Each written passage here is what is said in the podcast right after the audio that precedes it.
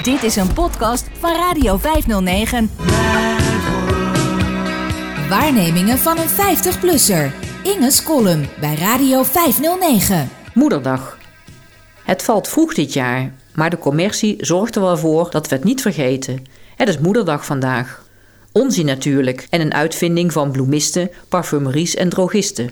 Als je iets aardigs wil doen voor je moeder of haar wilt laten weten dat je van haar houdt, dan kan dat natuurlijk op elke dag van het jaar. Gesteld dat het nodig is dat te laten weten aan degene uit wie je bent voortgekomen en wie je volgens mij simpelweg niet in staat bent haar je kinderlijke liefde te onthouden. Zo is het nou eenmaal met ouders en kinderen. Dat hoeft helemaal niet met slecht gekozen attenties en goedkope prullen geïllustreerd te worden. Inmiddels weet ik dat, nu ik zelf een middelbare vrouw ben geworden, weliswaar zonder moeder te zijn. Toen ik klein was, vond ik Moederdag heel leuk. Dat had maar voor een deel te maken met mijn moeder.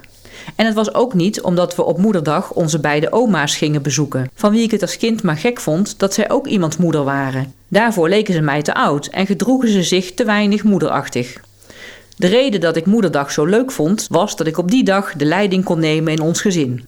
Het baasje spelen zat er bij mij al vroeg in. En het plannen en organiseren ook. Mijn vader en broer speelden mijn spel gewillig en liefdevol mee. En mijn moeder deed erg haar best om het passieve middelpunt van de feestelijkheden te zijn, waar ze van nature niet erg goed in is. Ze regelt de dingen namelijk liever zelf, zoals zij het wil. De appel valt niet ver van de boom, zegt het spreekwoord.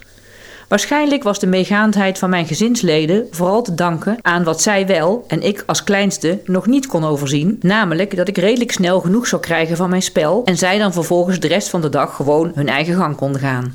Het maken van een plan en het opstellen van een programma voor de feestelijkheden vond ik eigenlijk het leukst. De uitvoering viel meestal tegen, omdat de verwachting van mijn tienjarige ik te hoog gespannen was en hoewel de huisgenoten echt hun best deden, zo mooi als ik het had bedoeld, werd hun uitvoering van de rituelen toch nooit. Dat zij veel plezier beleefden aan mijn gebaas en georganiseer, vooral omdat ik het allemaal bloedserieus aanpakte en dat ook van hen verwachtte, begreep ik toen niet. De kern van mijn moederdagprogramma werd gevormd door het aanbieden van de cadeaus. Dat waren meestal zeer nuttige zaken, zoals een keukenweegschaal, een dienblad of soepkommen. Ik ging ervan uit dat mijn moeder daar blij mee was. Ze was tenslotte huisvrouw. Zelf was ik ook blij met een poppenserviesje of nieuwe meubels voor mijn poppenhuis. De cadeaus werden op bed aangeboden, vergezeld van een kopje thee en een beschuitje, of beneden op de eettafel opgesteld, ondereen op mijn aanwijzing weg te trekken laken. Ik plakte een programma voor de feestdag op de deur van de woonkamer dat behalve de cadeauaanbieding en een ontbijt ongetwijfeld ook zal hebben bestaan uit het overnemen van enkele simpele huishoudelijke klusjes, zoals tafeldekken, koffiezetten en afdrogen, door mijn vader of broer of mij. Waarschijnlijk hielden we dat nog geen dag vol, maar de bedoeling was goed en het plan leuk, daar ging het om.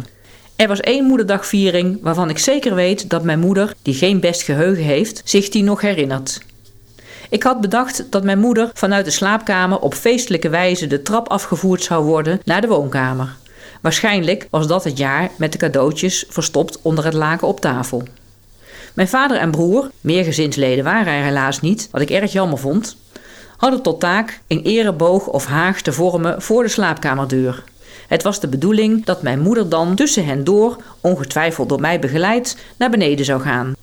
Mijn vader of broer bedacht dat het leuk was om daarbij een vrolijke mars ten gehore te brengen. Bij gebrek aan instrumenten namen zij zelf het toeterwerk voor hun rekening. Toen mijn moeder hen in ondergoed en serieus toeterend aan weerskanten van de slaapkamerdeur zag staan, kwam ze niet meer bij van het lachen. Mijn regieaanwijzingen schoten tekort en het tafereel liep volledig uit de hand. Ik merkte wel dat iedereen moest lachen, maar vond het zelf toch vooral jammer van mijn mooie plan. Mijn vader en moeder vertelden dit verhaal nog vaak en met veel succes op familiefeestjes en dan voelde ik me diep ongelukkig. Inmiddels vind ik mijn ernstige tienjarige ik ook aandoenlijk. Dus daarom vertel ik het verhaal nog maar eens een keer. Zo heeft mijn moeder, die sinds kort Radio 509 ook heeft weten te vinden, toch nog een leuke moederdag. Al doen we er dan al jaren niet meer aan.